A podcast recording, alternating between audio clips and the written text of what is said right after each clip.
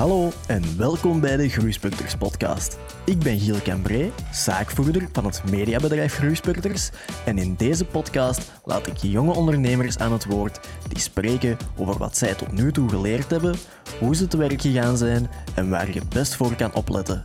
Veel kijk- en luisterplezier. Welkom bij alweer een nieuwe aflevering van de Groeispurters podcast. Uh, we zijn de vierde aflevering van ons tweede seizoen en we zitten in een basketbalhal. Absoluut. Uh, vandaag zitten we hier bij Jurik. Dag Jurik. Jurik, heel veel mensen in een basketwereld kennen u, maar echt kennen. Ik had nog nooit van u gehoord. Okay. En er zijn er waarschijnlijk nog wel een aantal.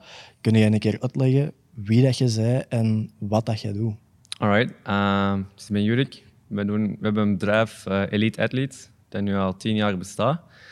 Um, dus eigenlijk een mix tussen basketbal specialisatietraining mm -hmm. en dan vooral gefocust op skill development. Dus dat is meer zo het technische aspect. Mm -hmm. En dan vooral ook het atletische. Dus dat is ons eerste bedrijf. Mm -hmm. En mijn tweede bedrijf, Elite Academy. Ja, een basketball academy voor kinderen tussen de 10 en de 21 jaar. Met als doel ja, spelers op te leiden, om naar een volgend niveau te brengen maar op een hele andere approach dan de meeste clubs. Dus wij denken veel breder. Um, dus heel veel ook mentale aspect erbij betrekken. Mhm. Mm -hmm. uh, in plaats als één coach heb je een heel team van coaches. Elke coach heeft zijn eigen specialisatie. Uh, schoolopvolging, al die dingen. En dan het derde bedrijfje is EA Basketbalcamps. Dus daarmee geven we eigenlijk basketbalcampen, niet alleen in België, maar internationaal. Reizen we de wereld rond om eigenlijk, ja, voor clubs of federaties campen te organiseren. Maar is direct drie bedrijven. Je bent nu tien jaar bezig, zeker? Ja, ja tien jaar. Ja. Wat was oorspronkelijk de reden waarom dat je begonnen bent? Ja, um, toen we begonnen waren, waren we ja, 19. Dus ik ben samen met mijn, beste vriend uh, Olivier Goedgeluk, hij is, is de co-founder. Um, eigenlijk, we waren, ik weet het nog heel goed, we tijdens de examens in juni. En uh, Olivier was toen op Erasmus in, in Portugal, in Lissabon. En we waren aan het bellen van hey, hoe is het met u, hoe gaan de examens? En we waren bezig over ja, de zomer, dat wij super hard uitkeken om, om, om samen te trainen. Elke zomer, bijvoorbeeld Olivier in zijn garage had hij kettlebells gekocht en een pull-up bar. En, dan deden we daar krachttraining en sprongprogramma's. En op basketbalplantjes buiten deden we dan zo skills. Gingen we daar ja, proberen technisch beter te worden. En dan ineens ging hij gesprek over, oké, wat wil je eigenlijk later doen in je leven? En hij, zag, hij, studeerde toen TW, lichamelijke opvoeding. En ik zei, oh, ik wil echt geen leerkracht worden, dat is niks voor mij, die schoolomgeving. Um, en ik vroeg zo aan jij en hij zei, ik wil echt niet voor iemand werken. En toen had hij zoiets van, eigenlijk waarom onze passie, zoals waar we, waar over bezig zijn in de zomer. We hadden altijd al meerdere andere jongens die elke zomer, ah, mag ik meekomen trainen met jullie? Waarom proberen we niks uit? En dan, zo hebben we gewoon beslist, letterlijk tijdens het telefoongesprek, van alright, let's go. En een paar maanden later was officieel EA uh, van de grond. En dan die zomer zijn we begonnen met spelers gratis te trainen. En ja, een eerste camp georganiseerd. Dat ineens 75 inschrijvingen. Nee. Uh, en zo is eigenlijk ja, stap voor stap uh, opgebouwd. Maar direct 75 inschrijvingen, dat betekent toch wel dat je al van begin af aan een serieus netwerk had? Ja, ja, ik denk omdat wij samen altijd basket hebben gespeeld. En Mhm. mm -hmm. Heel veel van die mensen waren onze vrienden. Of Ja, ja. Olivier zijn broer speelde toen in de eerste nationale. Heel veel spelers daaruit. Maar ook gewoon heel veel spelers stonden open voor de boodschap. Mhm. We hadden zoiets van... eh, Wij waren de eerste die eigenlijk zeiden in België van... Right, off-season or season. Dus off-season is eigenlijk de tussenperiode tussen wanneer het seizoen gedaan is en het volgende seizoen begint. Mhm. En in België was zo de cultuur van, oké, dan is vakantie en dan chillen we. En wij hadden zoiets van, nee, deze is de moment om individueel beter te worden. Ja. Dus in plaats van dan te chillen, gaan wij juist dan het hardste gaan. Deze is de moment om spelers ja, naar een hoger platform te brengen. En ehm, heel veel spelers stonden ervoor open. Van, ja, meteen alle mensen die de juiste mindset hadden, die, die kwamen naar ons. Ja. En ja, zo is dat gegroeid. Ja, ja, natuurlijk. Heb, heb je dan ook een hoop trainers kunnen overtuigen? Want spelers tot daar aan toe, maar er moeten natuurlijk ook wel trainers zijn die dat, die dat meegaan om training te geven. Ja, ja, ja, ja, in het begin hadden we meteen twee, drie trainers die ook mee in het verhaal stapten. En dan, eerlijk gezegd, we, hadden, we waren 19, 20, we hadden nog niet veel ervaring met training geven. Wij zijn gewoon ja, als een soort beginnen research doen en, en heel veel experimenteren en zo ook gewoon beter geworden. Het is niet dat wij meteen al top trainers waren, dat is ook gewoon een proces geweest om, om, om, beter te worden daarin. Ja. Uh, nu, je hebt van het begin af aan gezegd dat je met een, uh, een co-founder gewerkt hebt. Is dat een, een, een, meerwaarde geweest tot nu toe? Of, of zijn er ook zaken die dat je daar niet goed aan vindt? voor ons is dat, is dat super goed uitgedaagd, omdat Olivier en mij, wij kennen elkaar van ons tien jaar. We hebben samen op school gezeten. Olivier is één jaar ouder als mij. Samen in de ploeg gespeeld, uh, beste vrienden. Mhm. Dus wij hadden al een band, maar het coole is, Olivier is helemaal anders dan mij. En wij vullen elkaar perfect aan. Mhm. En wij geven elkaar de vrijheid om te experimenteren en dingen uit te werken. Maar op de momenten dat ik het doe, vinden we elkaar altijd terug. En ja, dat is zo die perfecte mix. Ik denk, individueel zouden we allebei nooit hebben kunnen doen waar we, nu, allee, waar we nu staan. Maar samen is dat de perfecte combinatie geweest. Ja. ja je, hebt, uh, je hebt ook gezegd dat je in het begin moest het niet allemaal perfect zijn en we gingen maar erop mm af. En, is dat, zijn er zaken dat je nu ook nog doet, nieuwe zaken dat je ook nog altijd uitprobeert om maar verder en verder te geraken? Dagelijks. Ik denk, op het moment dat je stopt met dingen bij te leren en te experimenteren, is het, het moment dat je, dat je bedrijf gewoon, ja, dat je nooit een marktleider kunt blijven. Mhm. het is, ik ben, ik geloof, allez, je moet altijd uit je comfortzone gaan. En ja, dat, dat is hetgeen dat ons concept sterk maakt, is we gaan er nooit zijn. We gaan nooit tevreden zijn. Dat is een doorlopend proces en mhm. elke dag leren wij iets bij, elke dag verandert er iets, elke keer experimenteren wij bij iets. Ik heb op mhm. tien jaar geen enkele keer twee keer dezelfde training gegeven. Elke training probeer ik wel iets, iets nieuws. En mhm. soms slaagt dat tegen en soms marcheert dat keihard goed. Maar je moet blijven leren. Je moet blijven ja, jezelf heruitvinden. En ja. ja wij noemen dat Kaizen. Dus Kaizen betekent zo continuous improvement. Dat is van mhm. Toyota. Uh, kent je Kaizen of niet? Nee. Dat is eigenlijk, het belangrijkste woord in, allez, voor ons in onze, ons bedrijf geweest. zal misschien kort uitleggen. Ja. Dus wat het eigenlijk zeggen is, zo de, de maker van Toyota, van die autofabriek, mm -hmm. eigenlijk dat principe um, ja, voor zijn werkers eigenlijk getoond van kijk, als je iets kunt aangeven dat je job al is maar 1% efficiënter zou zijn, mhm. wat zou dat zijn? En iedereen mocht heel een tijd constant feedback geven. Dat kan iets keistom zijn. Van, ah, als mijn stoel 20 centimeter hoger zou zijn, dan zou ik veel makkelijker kunnen draaien of zou dat, kan dat iets efficiënter zijn. Ja. En zo hebben die constant uh, het lopende bandsysteem van die auto's uh, beter gemaakt in plaats van mhm. sneller. Alle andere concurrenten die altijd het lopende band moet sneller, sneller, sneller. Mhm. Maar als één iemand niet kan volgen of er is een fout, zoveel auto's moesten elke keer terug ja, afgebroken worden. En hij zei nee, in plaats van sneller gaan we gewoon efficiënter werken. En zo is dat een continu proces geweest van elke keer het ja, lopende bandsysteem aan te passen en dat iedereen constant feedback kon geven. En dat is een beetje ja, het woord waarom wij onze, onze organisaties of bedrijven hebben gevormd, is dat Kaizen-principe. En wij ook gewoon dagelijks proberen toe te passen. Dus mhm. bijvoorbeeld voor ons is dat we hebben zo'n 10-minute rule. Ja. Learn something new for at least 10 minutes every day. wat te zeggen is, iedereen heeft 10 minuten. Iedereen heeft 10 minuten mhm. om iets te doen. En de ene dag heb je echt geen zin, oh, ik wil iets bijleren, maar Oké, dan pak je gewoon je timer en dan doe je iets voor 10 minuten. Maar meestal, eens dat je begonnen bent, want dat is het moeilijke, mm ah, 10 minuten. De ene dag wordt dat 15 minuten of 20 minuten. En op een goede dag kan 10 minuten misschien 2 of 3 uur worden, dat je in iets verdiept geraakt.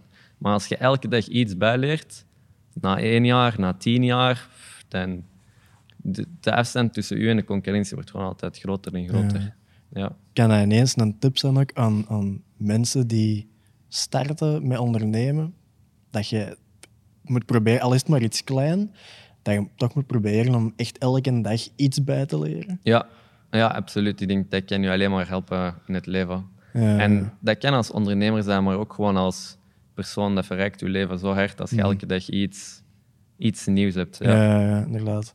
Nu, we zitten hier in een serieuze hal. Het is hier vrij groot. Um, je hebt een serieus bedrijf opgestart opgestart, tien jaar geleden opgestart. Ehm, maar elke starter komt wel in aanraking met struggles en met moeilijkheden en, en alles erop en eraan. En dan is het moeilijk als je nu zo ver geraakt bent om mensen alsnog te overtuigen van ja, ik heb ook die struggles moeten meemaken. Wat, wat was voor u zo vroeger, toen, dat, toen jullie begonnen, wat was zo echt het, moeilijke waar dat je door zijn moeten bijten? Ja, ik denk eigenlijk is dat een constante struggle. Als ik kijk naar hoe wij begonnen waren, is oké, we hebben een idee, dat is mm goed. Maar oké, nu komen er kosten bij zijn. We moeten een bedrijf opstarten, we moeten materiaal aankopen. Dus hoe wij begonnen zijn, is we twee, ik heb twee maanden vakantiewerk gedaan. Mhm. En dan al dat geld eigenlijk gewoon, oké, nu ga ik een bedrijf opstarten. En ik heb heel veel chance bijvoorbeeld met mijn ouders. Mijn ouders hebben mij heel erg gesteund, maar heel veel met administratie en de zaken waar ik niet goed in ben, zo boekhouding en al die stuff, mhm. de non-creative stuff. maar ik heb bijvoorbeeld nooit iets van financiële steun gekregen van niemand voor EA. We hebben nooit een lening aangegaan. We zijn begonnen, we hebben de eerste vier jaar onszelf 0 euro uitbetaald, alles geïnvesteerd, geïnvesteerd, geïnvesteerd. Na vier jaar hadden wij geld genoeg om deze pen te kunnen huren en daar rustig aan om te bouwen.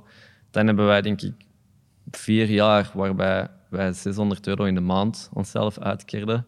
Waarbij letterlijk mijn boekhouder zei: Je gaat nooit een huis kunnen kopen. Je gaat, dit is geen gezond bedrijf. Uh, veel mensen van mijn leeftijd van je bent zot, uh, vind toch een echte job. Uh, heel weinig mensen begrepen dat. Dan twee jaar minimumloon uitgekeerd, 1200 euro in de maand. Nog echt, mensen van ik al echt 20, 29. Allee, hoe ken dat nu? Dat is toch geen toekomstplan? But it paid off nu zitten we comfortabel, nu, kunnen wij, nu hebben wij groeimarge en mhm. ja, je moet durven investeren. Als ik kijk naar bij mij, ik denk dat dat een, een van mijn sterkste kwaliteiten is. Als ik ergens in geloof, mhm. dan ga ik al in. Zoals, ik heb nu bijvoorbeeld een, een huis gerenoveerd uh, samen met, met, mijn verloofde. En heel veel mensen zeiden van, ah, je, eh, ik zou dat nooit doen. Dat is echt een huis, totale renovatie van scratch beginnen. Maar als ik kijk nu bij ons droomhuis, maar bijvoorbeeld een half jaar geleden, mijn bankrekening, ik heb er nog een printscreen van getrokken. Mijn spaarrekening stond 0,6 cent. Op mijn gewone rekening stond 0,0 euro. Dus we waren letterlijk gewoon al ingegaan. Mensen verklaren ons zat, maar zo'n ding is dat stress mij niet, dat is maar geld. Dat, dat komt en gaat en je vindt altijd een manier om te overleven. Altijd. Als je dat wilt, dan, dan overleeft je. En ja, dat voor mij is dat belangrijk dat je durft. In als je echt in je eigen gelooft, dan moet je al in durven gaan. En ja, zoals wij zeggen, zoals hier op de muur ook staat, trust the process. Je, je weet dat dat, dat, dat gaat goed komen, maar het heeft gewoon tijd nodig. Maar heb je dan nooit zo'n moment gehad waar je van dacht, shit, nu heb ik echt iets, iets verkeerd gedaan of zo? Ja, we hebben vaak momenten gehad dat we er echt door zaten. Of bijvoorbeeld, In het begin waren wij met drie en we hadden nog een derde vernoot. En die heeft de keuze gemaakt om een ander leven te gaan leiden. Dat was ook op het moment dat je echt dacht van, oh shit, wij zitten hier super diep in de shit. Mhm. Maar elke moment dat wij diep in de, in de shit zaten, mhm. is er een andere deur open gegaan en zijn we er tien keer sterker uitgekomen. Mm Toen bijvoorbeeld is dat idee gekomen van de Academy voor dat derde bedrijf op te starten. Dan, om de een of andere reden, bijvoorbeeld je moet ook durven. We hadden vroeger in het begin, basket is een heel kleine markt, we, we hadden nog niet de academy, dus we waren gefocust op krachttraining. Dus mhm. deze was eigenlijk, in de eerste plaats was deze een fitness. En in de zomer deden we basket. En we hadden dat opgebouwd tot 150 leden. Up, booming business. En dan ineens CrossFit komt. Basic Fit komt. Allemaal nieuwe concurrenten die er helemaal niet waren. Mm de twee bruggen hier, de toegangswegen, werden afgebroken de werken aan de leien. En ineens alle mensen die er, die er normaal op 10 minuten, 15 minuten waren, deden er 45 minuten over, een uur over. En we begonnen klanten te verliezen langs alle kanten. En Olivier en mij op den duur, je bent, je bent aan het evolueren en, en ik wist mijn passie is basket. Ik moet nu tien uur in de week nog krachttraining geven, maar mijn passie is basket. En Olivier begon zich meer te evolueren van ah, ik vind meer movement leuk en ik vind meer psychologische leuk en ik vind meer meditatie leuk en mhm levensstijl. Ik wil meer naar, naar die kant te gaan. En op, gewoon van de ene dag op de andere dag hebben we gezegd, oké, okay, wij stoppen met de gym. We hebben misschien op die moment nog 50, 60 leden. Sorry guys, we gaan hier, wij, wij stoppen met de begeleiding. Jullie kunnen hier nog trainen als jullie dat willen, maar zonder begeleiding. We gaan nu deze doen en we gaan all in in de academy. En dat moet je ook durven. Ik denk, mhm. heel veel ondernemers worden een slaaf van hun eigen bedrijf. Zo, dat, dat, vind ik, dat zie ik heel, heel vaak. Van, ik heb een idee, ik vind dat nu leuk, maar dat bedrijf is afhankelijk van mij.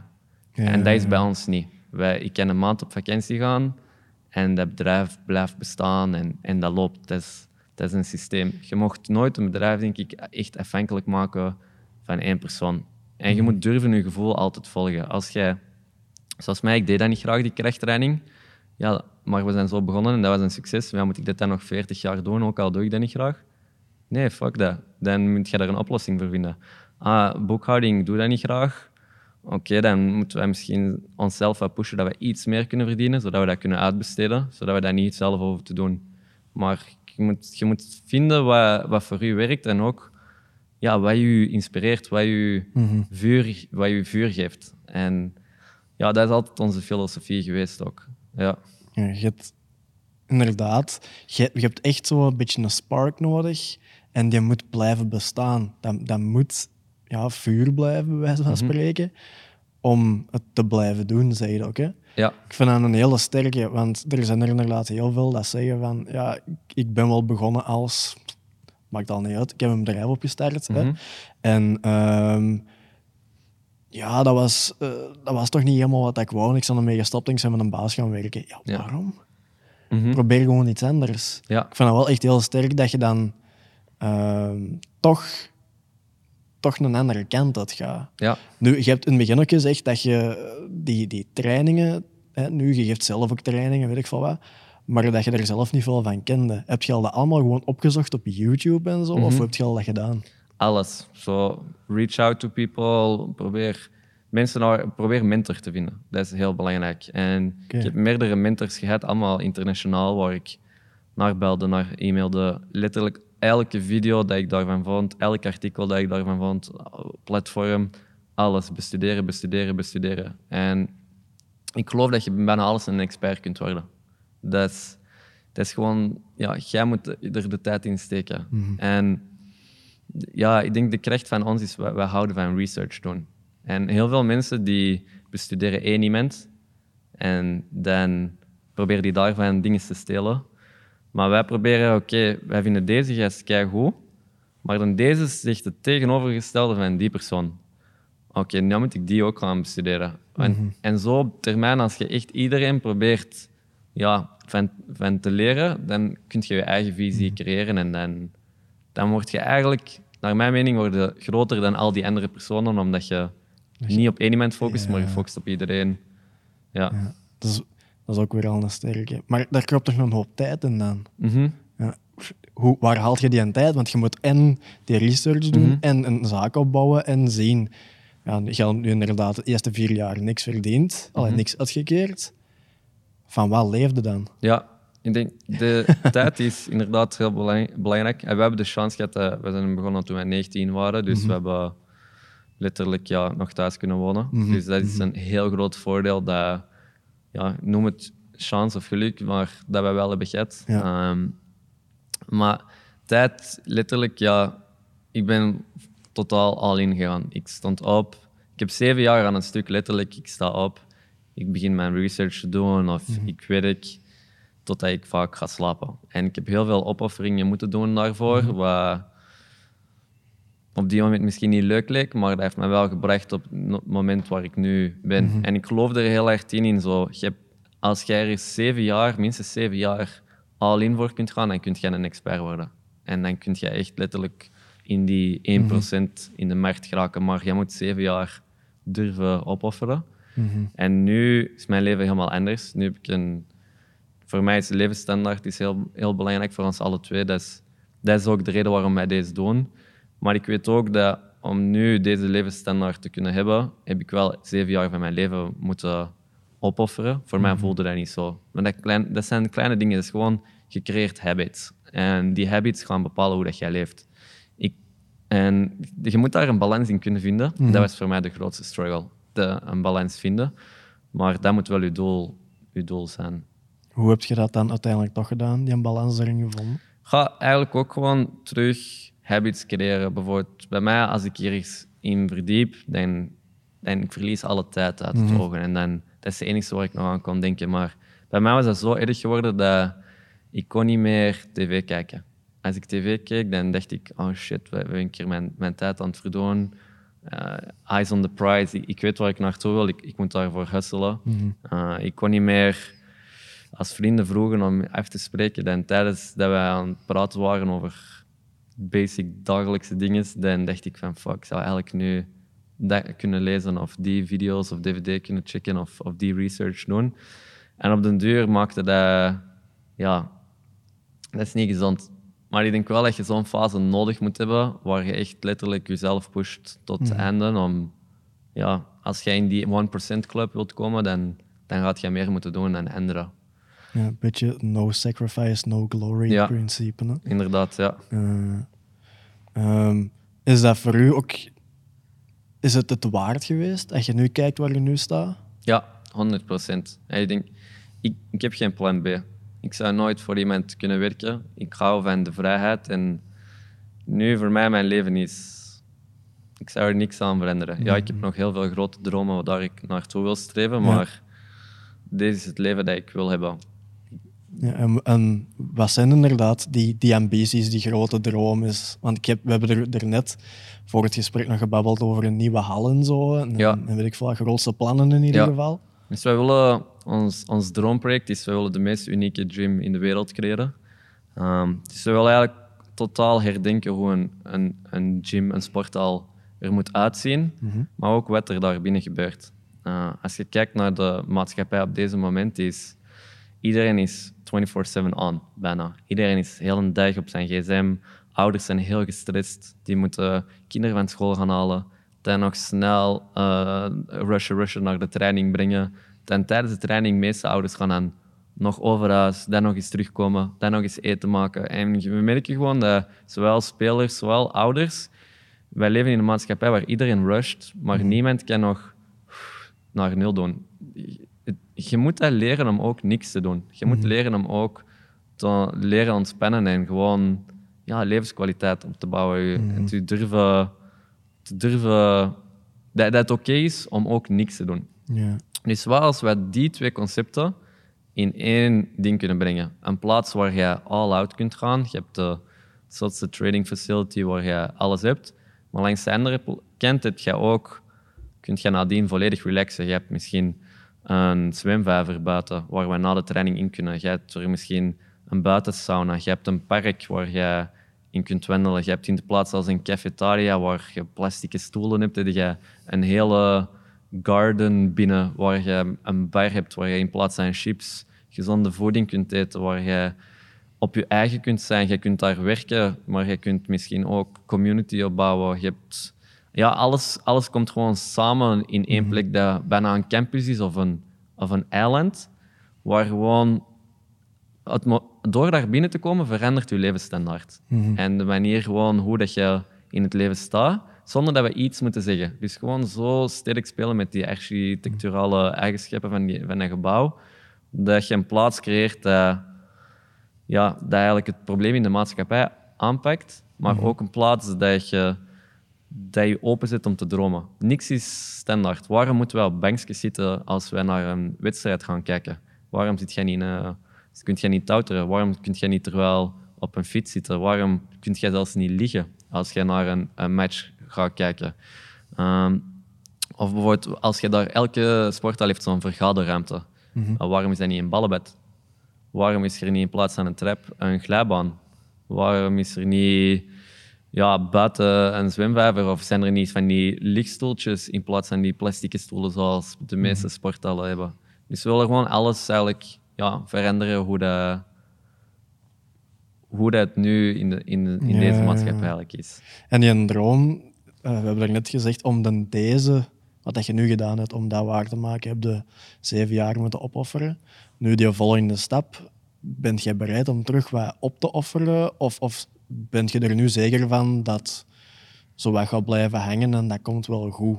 Ja, ik denk niet dat van, dat komt wel goed. Ik denk wel, you gotta, you gotta take steps. Je moet er mm -hmm. de effort in steken. Um, moet ik nog hustelen? Ja, sowieso. Maar ik denk wel dat ik dat kan doen met een balans nu. Dat ik er ja. wel in, in... Ik heb mezelf leren kennen in die, in die eerste tien jaar over... Oké, okay, wat werkt er voor mij, wat werkt er mij niet? Hoe, hoe kan ik blijven gaan en blijven elke dag superveel energie hebben en, en hungry zijn om mijn droom na te streven? Of hoe ga ik na zoveel jaar uitgeblust zijn? Maar ik denk gewoon hetzelfde principe als die Kaizen. Als ik elke dag iets doe om dichter bij die droom te komen, dan, dan gaat het er ook zijn. En zoals nu is dat, in plaats dat ik research doe naar basketbaltraining, zit ik elke dag research te doen van oké, hoe kun je zo'n sport al bouwen? Wie heeft dat gedaan? Uh, wat zijn de processen daar, het proces daarvoor? Um, hoe kun je financieringsmogelijkheden hebben? Allemaal dingen die totaal uit mijn comfortzone zijn en waar ik niet, niks aan af weet of ook niet veel van wil af weten. Maar nu dat mijn droom, dat ik, dat ik moet erbij pakken, is dat wel iets waar ik zeg van oké, het voelt een beetje terug aan zoals dag één van je Ja, hebt een ja, ja. onhaalbaar project in gedachten. Let's go. Ja. En waarom dat stuk dat je niet graag doet, dan niet uitbesteden? Want je hebt nu wel geld genoeg om het uit te besteden. Waarom dan toch alsnog die kennis opdoen die dat je niet, niet wilt opdoen, zullen we Ja. zeggen? Omdat nu motiveert mij dat wel. Omdat als je, je. Nu wil ik daar controle over hebben. En nu wil ik dat ook leren en daar een expert in worden. Nu wil ik een expert worden in hoe kan ik een, eh, een gym bouwen. Dus de, als dat je motiveert en de, ik denk dat je hebt de juiste dromen nodig om de dingen erbij te pakken die je niet graag doet. Ja. En nu heb ik er wel de ruimte en de tijd voor om, om mij daarin te verdiepen. Dus Ja. ja. ja, inderdaad, over ruimte en tijd gesproken. De corona sloeg voor, voorElle waarschijnlijk ook wel echt in als een bom. Ja, Ehm, wat, wat heb je anders moeten aanpakken en hoe heb je dat gedaan? ja. Ik denk, dit is de tijd, zeker voor, voor ons bedrijf. Ik kan dat nu even gewoon zelf zeggen. Ik heb juist mijn aanvraag ingediend. We krijgen 550 euro van de regering deze maand. Daar, is letterlijk een vijfde van de huur. Dus allee, de, daar, daar bent je niet veel mee. Ehm, dus ik denk, deze periode is gewoon de tijd van ofwel gaat je je aanpassen, ofwel gaat je verzappen. En ik denk voor ons, focus on what you can control is zo de coach geweest die ons erdoor heeft geholpen, is wij zijn heel veel online gaan doen. Ik heb een, een boek geschreven van 197 pagina's over alles wat ik in tien jaar heb geleerd. In de eerste lockdown, up, dat, dan, dat zijn we dan online gaan verkopen. We hebben een player platform gecreëerd, zodat onze spelers in de academy die thuis zitten, oké, hoe kunnen we die toch nog begeleiden zonder dat we heel de dag Zoom-calls moeten doen, want die kinderen zitten al heel de dag, meestal zeker in die eerste lockdown, voor hun scherm. Hoe kunnen wij die de tools geven dat die thuis ook nog kunnen trainen? En niet alleen basket, niet alleen kracht, maar ook, oké, dit zijn boeken die we aanraden, dit zijn documentaires die we aanraden, dit zijn pdf's die we hebben gemaakt over mindset of verhalen van andere profspelers, zoals van Kobe Bryant of zo. Wat zijn de dingen die je uit zijn leven hebt kunnen leren? Dat is een tweede platform. En dan een derde platform is zo'n online platform voor coaches. Deze ideale moment als coach om beter te worden. Dus daar hebben we ook heel veel tijd in gestoken. En dat heeft ons er nu doorgeholpen. Als wij dat niet hadden, dan was het nu gewoon boeken toe. En ja, jammer. Maar Ja, ja, ik denk, als ondernemer moet je je aanpassen. Dus je, je mocht nooit tevreden zijn met waar je, waar je bent. Dat is weer... Allee, we hebben dat in de vorige podcast hebben we dat ook eens een keer besproken. Dat ging over... Je moet een probleem zien en dat dan aanpakken, maar nu heb je direct van het... eh, dat zou logisch zijn inderdaad, om mensen online te helpen en weet ik wat, maar je trekt en aan de coaches en aan de spelers en, en ook dat die Zoom-calls. Je moet probleem na probleem na probleem zien en dan een oplossing vinden. Ja, En dat is volgens mij een hele moeilijke. ja. Dat is, dat is leuk om, dat je dat zegt, want dat is hetgeen dat, dat ik eigenlijk het meeste van Olivier heb geleerd. Is, helemaal in het begin is... Er was een probleem en ik stresste erover en ik bleef zo... Ah, we hebben geen geld voor dat of we hebben geen... eh, en ik maakte me er altijd heel druk in, eender wat, maar ik bleef me altijd focussen op het probleem. En dan kwam ik zo bij Olivier en ik vertelde dat zo. En Olivier bleef altijd zo kei rustig. En dan, die liet mij uit. Ik was vijf minuten aan het razen over dat probleem. En dan zei hij gewoon, die ademde even en die zei, oké, dus wat moet er gebeuren? En dat heeft een tijdje geduurd, maar nu is dat ook, ik geloof niet meer in problemen.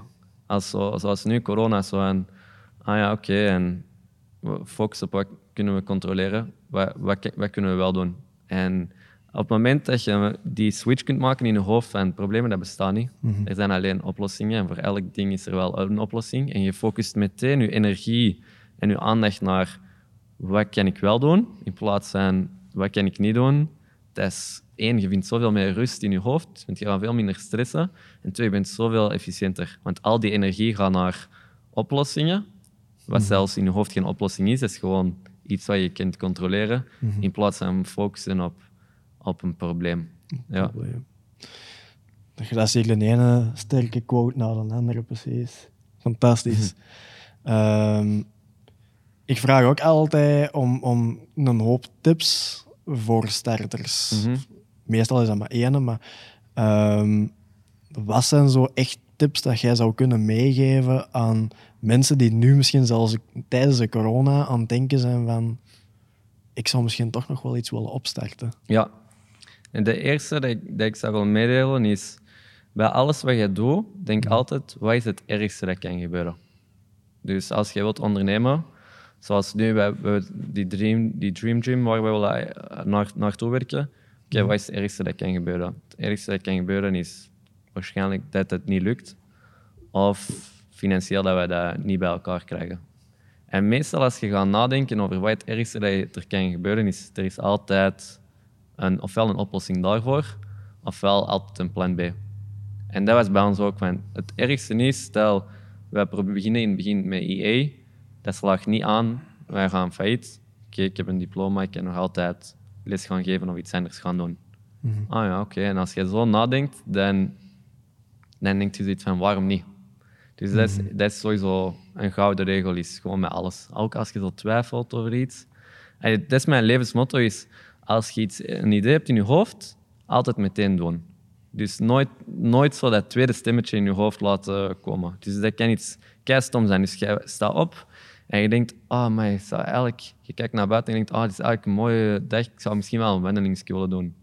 Boom, binnen de vijf seconden doe je kleren aan en ga wandelen. Niet zo, ah ja, maar ik moet nog e-mails doen. Of... Nee, altijd als je een idee hebt, gewoon in het leven, het is eender wat, dan gaat ervoor. En dat, dat kan eender wat zijn. Dat heeft zelfs niks met ondernemen te maken, maar ik vind dat een heel krachtig ding. En ik denk drie is, als je iets nieuw gaat proberen, heel veel mensen hebben die shit gaan praten. Er gaan heel veel mensen hebben die echt door je rug gaan praten. Heel vaak mensen die dicht staan bij je. En daar moet je niet naar luisteren. We- we- In het begin trok ik me een kaart aan. We starten IE op en we hebben jaren bij dezelfde club ges- gespeeld. En de coaches die wij hadden gehad, die praten slecht achter onze rug over, over alles en tegen iedereen. Van, ah, wat denken die jonge gasten dat die er het even is gaan doen en wat denken die wel, bla bla bla. Zo dingen. En ik trok me een kaart aan in het begin. Ja, want ja. Dat, is, dat is mijn mentor geweest op een bepaald vlak in, in mijn leven. Ja. En wat ik nu altijd denk is als er mensen slecht praten, is probeer u in zijn leven te zetten, in zijn schoenen. Wat doet hij in zijn leven? En zou jij willen ruilen? Zou jij in zijn plaats willen zijn? Zou jij zijn leven willen hebben? Zou jij er dan gelukkig mee zijn? En 99% van die keren is dat nee. Jij, jij zou niet die zijn leven willen hebben. En die 1% dat dat wel is, dan is dat meestal goede kritiek. Want dan is dat als iemand die, waar je naar opkijkt en die bijvoorbeeld, ik zeg maar iets, eh, ooit heeft een, een coach commentaar gegeven op mijn trainingen na een kliniek. En dat was iemand waar ik, waar ik van leerde, waar ik mijn research van deed.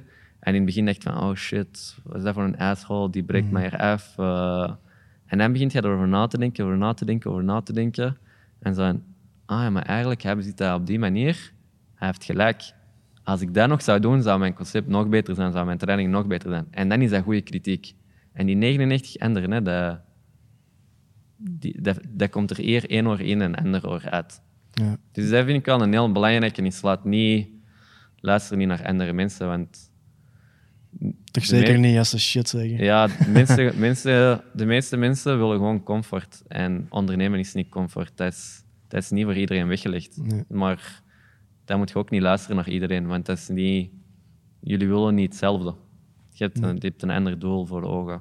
Maar dat is ook weer iets dat, dat heel veel mensen, heel veel ondernemers natuurlijk ook vergeten. Hè. Ze, moeten, ze moeten uit die comfort om te bereiken waar dat ze nu zijn. En het zijn enkel de mensen die dat, dat, dat durven die dat één een onderneming kunnen opstarten en dan in extremis gelijk Gelle, dat echt maar heel on- oncomfortabel geleefd hebben, bij wijze van spreken, die dat bij die 1% van de, van de wereld terechtkomt. Mhm.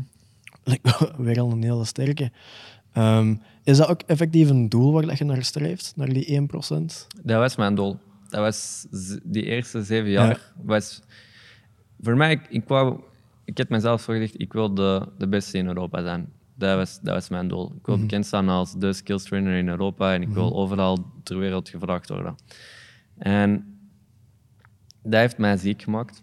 Dat, dat ik niet meer kon ontspannen, dat ik dat niet meer wist, dat ik constant hier leefde. En naar mijn ogen heb ik op een bepaald moment had ik dat doel in theorie gehaald.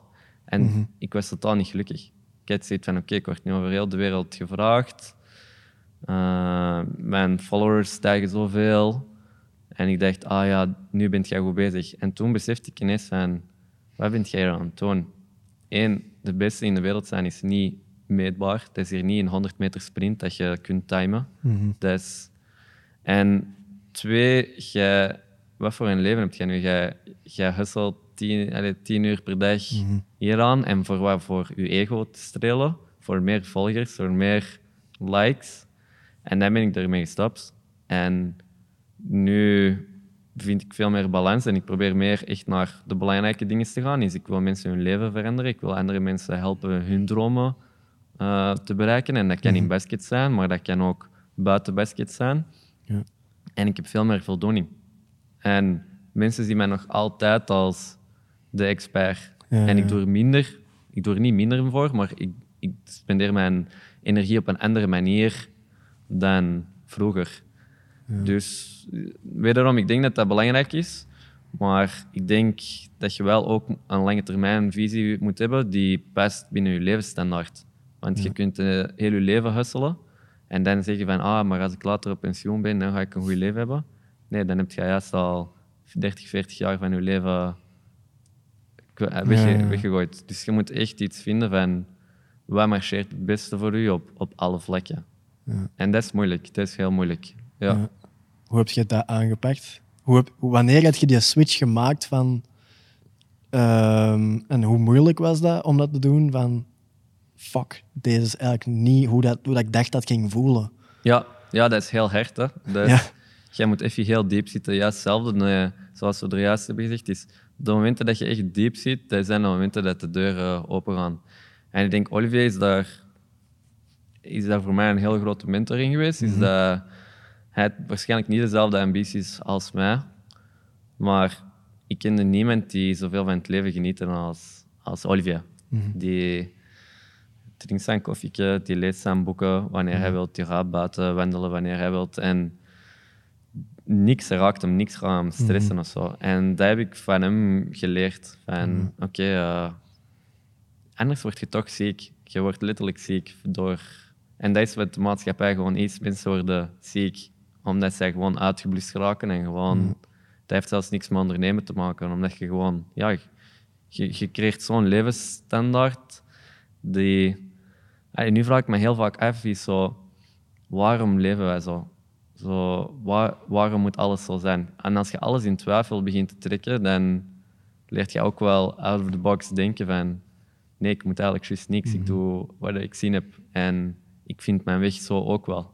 En als ik vandaag opsta en ik, het eerste dat in mij opkomt is ik wil naar de zee, dan rijd ik naar de zee en dan werk ik een dag niet. Snap je? En dat is het leven dat ik wil leiden. En niet van, ah, jij moet werken, want het is een werkdag. Nee, voor mij een zaterdag, een maandag, dat is allemaal hetzelfde. Elke dag is een kans om te werken als ik daar zin in heb. En een kans om iets leuk te doen als ik daar ook zin in heb. En dat is die balans, denk ik, dat je moet vinden. En dat je ook... Dat is de kracht van ondernemen, is vrijheid. Maar heel veel ondernemers, zoals er juist heb gezegd, is, die worden een slaaf van hun eigen bedrijf. en, of van hun eigen succes. Ja, en dat is, dat is, dat is, dat is een heel moeilijk proces, maar Ja. wel een belangrijk proces, denk ik. En eentje waar dat jij wel een beetje de kolen van gekraakt hebt. Ja, precies. nu heb ik het gevoel dat ik dat Ja. maar dat heeft me ook wel 7 à 10 jaar Ja, geduurd. En natuurlijk. er zijn altijd nog moeilijke momenten, sowieso. Eh, jij bent eh, op deze moment zelf waarschijnlijk voor veel mensen een mentor. Eh, misschien niet expliciet, ik weet niet of je effectief mentorship doet of zoiets, maar je bent voor veel mensen een mentor. Heb jij zelf ook nog een mentor op deze Ja, moment? ja, ik denk dat je daar altijd wel moet hebben. Ehm, nu, ik heb er altijd in basket heb ik altijd twee, drie coaches die ik, die ik echt volg en waar ik probeer zoveel mogelijk van te leren. Mhm. Maar dat kunnen ook dingen helemaal daarbuiten zijn. Zo, dat klinkt kei stom, maar bijvoorbeeld zoals nu, mijn interesse is even zoals in Lego. Ik vind Lego heel leuk nu. Dus nu probeer ik zo'n mentor te zoeken in Lego. En ik probeer zo mannen te volgen die super creatief zijn. En bij mij, de beste ideeën komen altijd wanneer ik niks doe.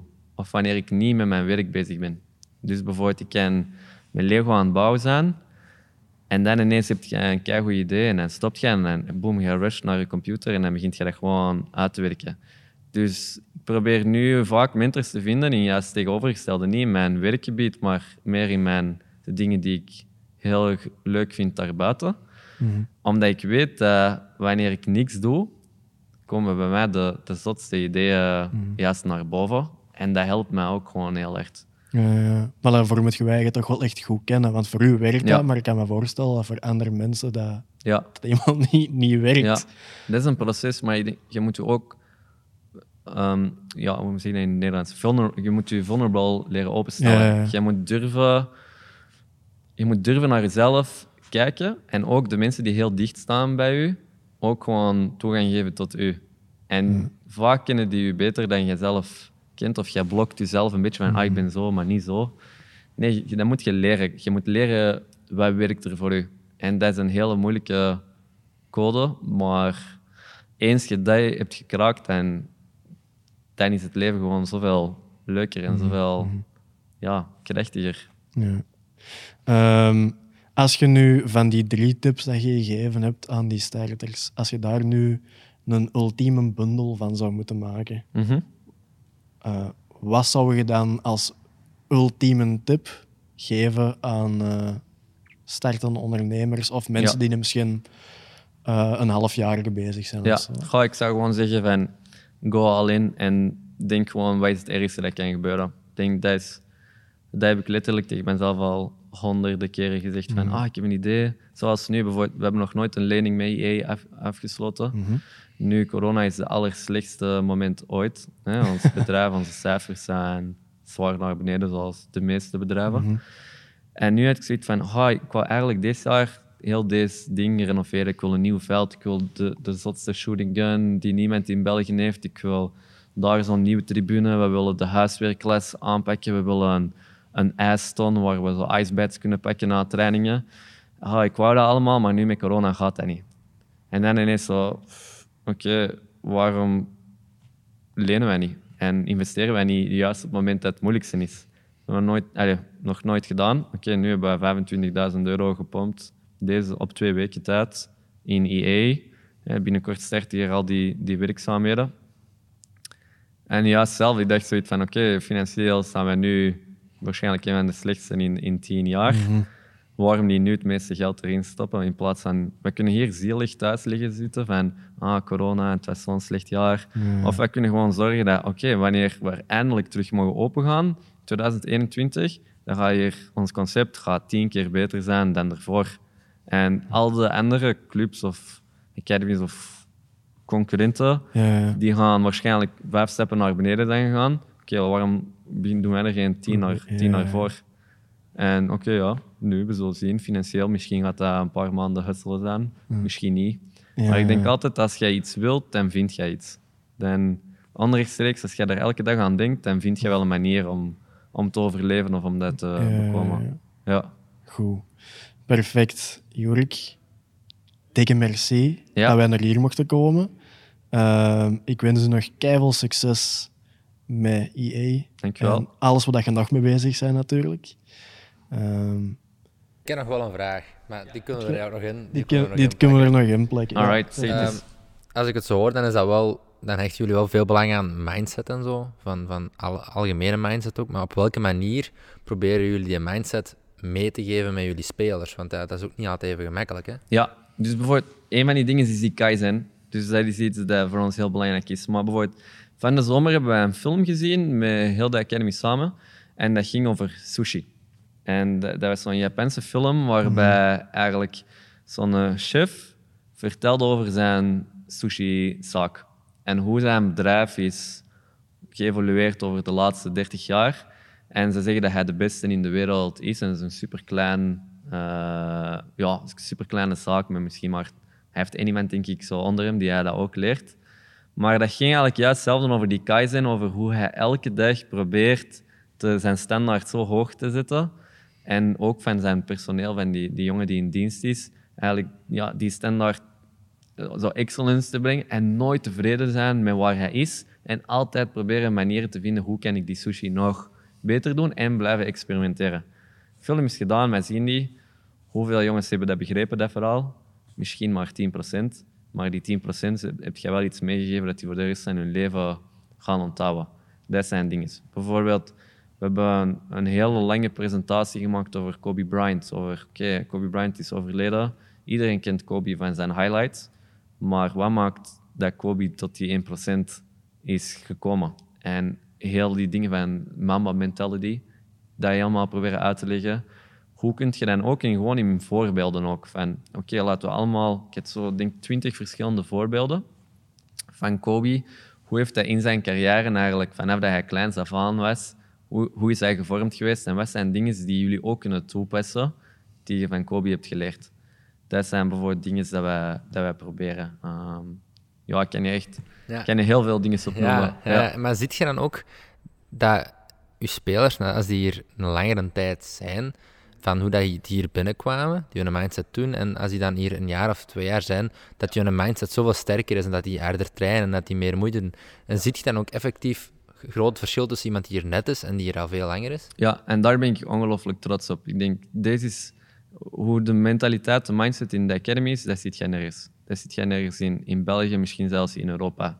Als ik kijk hoe dat kinderen hier hervormen, wat hun gaat helpen, de tools die zij, die zij krijgen, die niet alleen voor basket interessant zijn, maar gewoon voor de rest van hun leven, dat vind ik heel cool. En ook hetgeen wat belangrijk is bij ons, is, wij, noemen dat transformational coaching. Dat wil zeggen is dat wij, wij zijn niet de coach die daar staat en die zegt hoe de spelers hier moeten zijn. Nee, de spelers bepalen de standaard.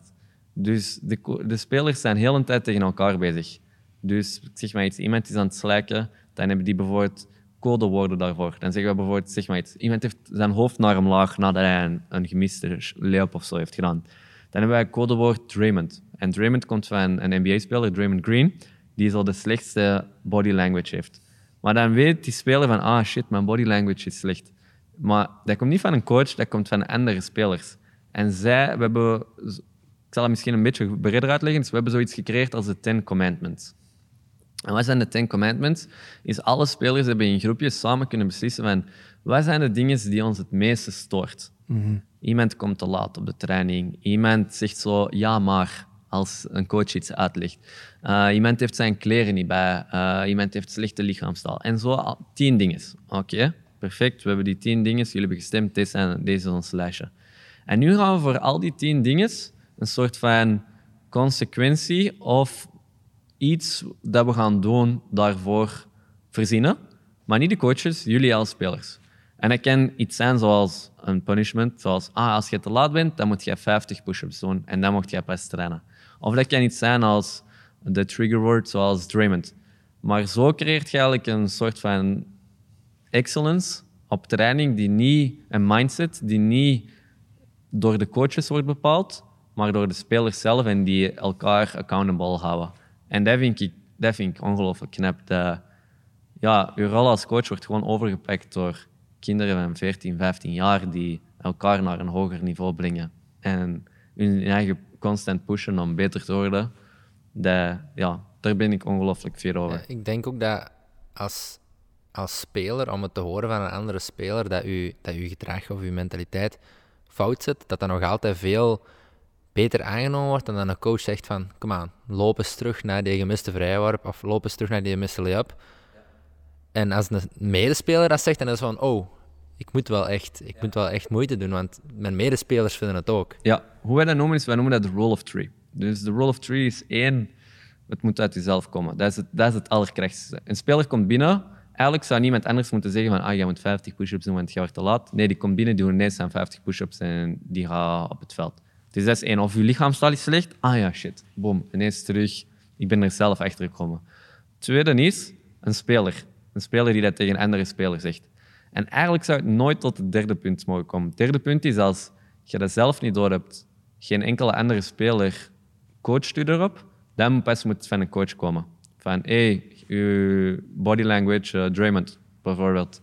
Maar eigenlijk zou het nooit tot dat punt drie moeten komen. En dat proberen we te, te verkrijgen hier. En zijn er ook, zijn er ook spelers waarvan dat je iets hebt van, ah, die zijn er nu al drie jaar en nog steeds passen die zich niet aan of, of, ja, of, of luisteren die niet of, of weet ik veel wat, of passen die zich allemaal wel aan op een duur? Iedereen heeft wel die betere mentaliteit. En... Ik denk, de spelers die hier komen, onderscheiden zich al van mindset. Anders kom je niet hier. Anders gaat je naar een andere club. Als je gewoon een beetje wilt basketten, dan kom je niet naar hier. Of als je denkt dat je er al bent, dan kom je niet naar hier. Dit zijn IE, iedereen kent dat van deze plaats waar de mensen komen die het hardst willen werken. Dat typeert ons. Niet per se de grootste talenten, want dat interesseert mij niet of jij de volgende profspeler zou, of jij bent een speler die eerste of eerste provinciale of derde nationale misschien maar kan halen. Nee, als jij keihard werkt, dan is deze plaats voor u. En de, als jij in een team komt waar je 14 jongens hebt en 13 spelers werken super hard, en jij komt erbij als jongen die mindere mentaliteit, laten we zo het zeggen, hebt, dan word je meegetrokken door die anderen. Dus de, eigenlijk zie je dat hier, hier niet. Ik denk dat dat wel iets heel knap is, omdat op veel plaatsen kijken heel veel mensen nog naar het talent dat een speler heeft. Hè, van, dat er, er is misschien een speler die keihard zijn best doet en, en elke training bijvoorbeeld een half uur op voorhand aanwezig is en een half uur later vertrekt en al de rest. Maar toch krijg je niet hetzelfde speelminuten, ik zal nu een speelminuut zeggen, dan die speler die eigenlijk één keer in de week komt trainen bijvoorbeeld en, en de mentaliteit heeft van ik, ik ben er wel, maar ik doe niet zoveel moeite, maar die kan heel goed basketten. En dat vind ik wel knap om te horen, dat hier ook gekeken wordt naar van hoe hard werkt je ervoor. En, en, en ik denk dat jij ook een mooi bewijs bent van hoeveel te harder dat je werkt en hoeveel te meer tijd en hoeveel te meer moeite dat je in iets steekt, zoveel te beter gaat daarin worden. En, en misschien had jij veel meer talent gehad, dan had dat nog beter geweest. Maar uiteindelijk, de mensen die harder voor, willen werken voor iets, die gaan er altijd, die gaan altijd verder geraken dan de mensen die met talent die het eigenlijk niet graag willen. Trust the process zeker? Trust the process, inderdaad. Yep, 100% mee eens. Ja. Goed, perfect. Echt tegen merci dat we naar hier mochten komen, want dat is niet evident natuurlijk. Ja, ja. Ja graag gedaan. Ik vond het heel leuk. dat is heel goed. Alright, en voor de mensen thuis, tot de volgende keer.